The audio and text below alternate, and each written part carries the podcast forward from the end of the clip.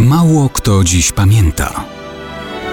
Datownik historyczny prezentuje Maciej Korkuć.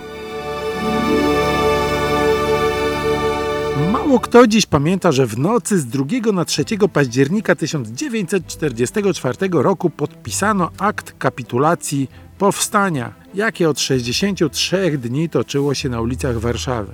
Gdyby prawdą była rozsiewana przez niektórych bajkopisarzy teza o tym, że Polacy świętują klęski, to właśnie powinny się odbywać wielkie uroczystości.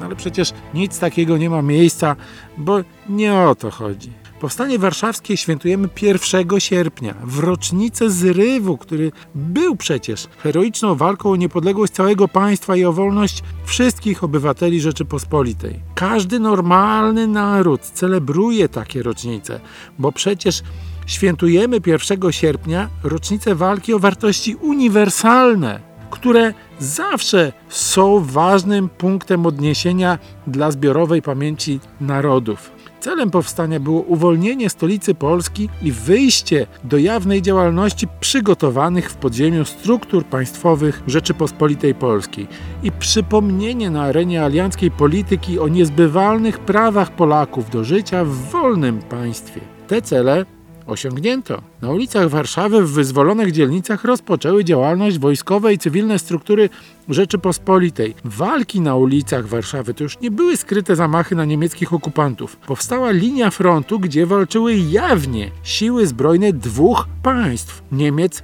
i Polski. Armia Czerwona mogła skorzystać z okazji łatwego wyparcia Niemców zgodnie z przygotowywanymi na początek sierpnia planami, ale Związek Sowiecki walczył nie tylko z Niemcami. Związek Sowiecki zwalczał wszelkie próby odbudowy niepodległej Polski. Mając świadomość olbrzymiej dysproporcji sił, postanowił dać państwu niemieckiemu możliwość zniszczenia wybijającego się na niepodległość państwa polskiego. Zniknęły z przestrzeni powietrznej samoloty sowieckie, chociaż miały jednoznaczną przewagę. Nagle front zamilkł.